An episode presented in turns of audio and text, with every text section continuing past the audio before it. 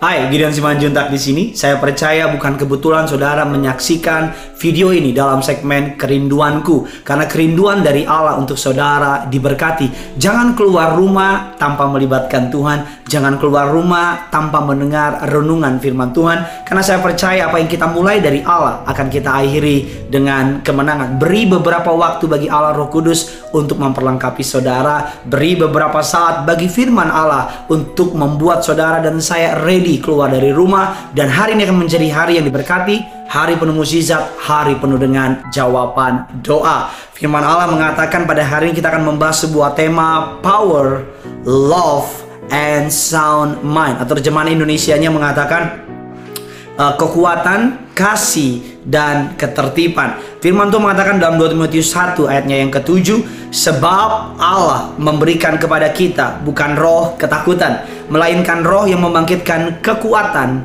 kasih, dan ketertiban. Tahukah saudara bahwa dunia ini sedang ketakutan. Mereka takut mati, mereka takut terpapar COVID-19, mereka takut dipecat, mereka takut akan masa depan mereka. Ketika kita takut, kita diparalyze atau dilumpuhkan oleh ketakutan kita. Pernahkah saudara melihat orang yang takut atau orang lain, saudara sendiri mau naik panggung jadi takut, tiba-tiba ngeblank. Mau presentasi jadi takut, tiba-tiba mulut jadi keluh. Tahukah saudara, ketakutan adalah salah satu dosa tertua yang pernah ada di Alkitab. Alkitab katakan ketika Adam dan Hawa jatuh dalam dosa, dia mendengar Allah berjalan di taman itu. Alkitab katakan Aku mendengar suaramu dan aku menjadi takut.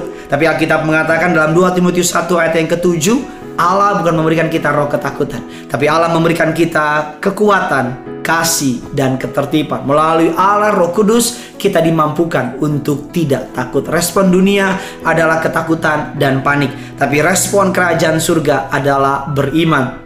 Alkitab mengatakan ketika saudara takut, ketika saudara takut maka saudara menjadi powerless atau tidak punya kuasa. Ketika saudara takut, saudara menjadi loveless, tidak dapat mengasihi. Ketika saudara takut, saudara menjadi orang yang tidak tenang, saudara menjadi orang yang panik. Oleh karena itu, mari jangan takut karena Tuhan beserta kita. Saya banyak mendengar di Alkitab dan saya nggak tahu berapa jumlah pastinya, tapi banyak orang mengatakan setiap hari Allah memberikan kalimat do not fear atau jangan takut. Kalau satu saja dari Allah sudah sangat berkuasa, apalagi berkali-kali Allah mengatakan jangan takut aku menyertai engkau. Untuk masa depan, Allah sudah ada di masa depan. Untuk masa lalu, Allah sudah ampuni. Untuk masa sekarang, Allah pasti bela. Masa lalu kita dia tahu, masa sekarang kita dia bela, masa depan kita dia pelihara. Jangan takut, bangkitkan imanmu. Saya percaya Allah menyediakan berkat bagi orang-orang yang mengandalkan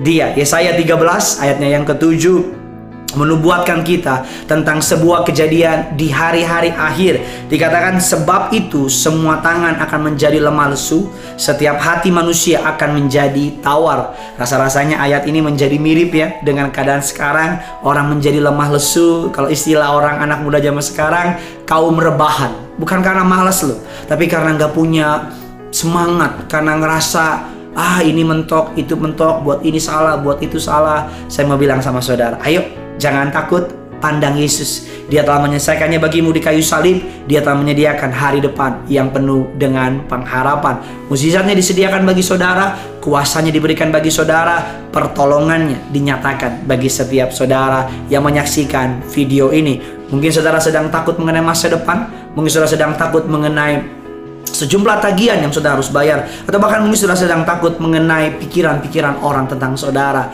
Bawa semuanya itu ke dalam kaki Kristus. Serahkan kepada Kristus. Alkitab mengatakan marilah kepadaku engkau yang letih lesu dan beban berat. Alkitab mengatakan datanglah kepadaku.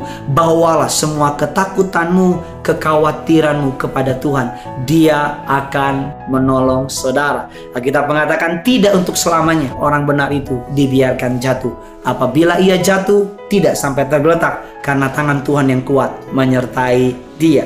Lawan ketakutanmu dengan iman, lawan ketakutanmu dengan firman, lawan ketakutanmu dengan janji firman Tuhan. Selamat menjalani hari yang penuh dengan iman, selamat menikmati anugerah kebaikan Tuhan. Saya percaya dengan iman kepada Kristus, hari ini dia memberikan kekuatan, dia memberikan kasih, dia memberikan ketenangan dalam pikiran saudara. Terima damai sejahteranya, terima shalomnya, terima kekuatannya, terima anugerahnya. Bagikan video ini kepada teman-teman saudara, kepada kerabat-kerabat saudara, kepada kenalan saudara, kepada orang-orang yang saudara kasih. Saya percaya sama seperti video ini memberkati saya, memberkati saudara, pasti akan memberkati setiap mereka. Pesan saya terakhir seperti biasa, jangan lupa yang punya surga crazy in love with you.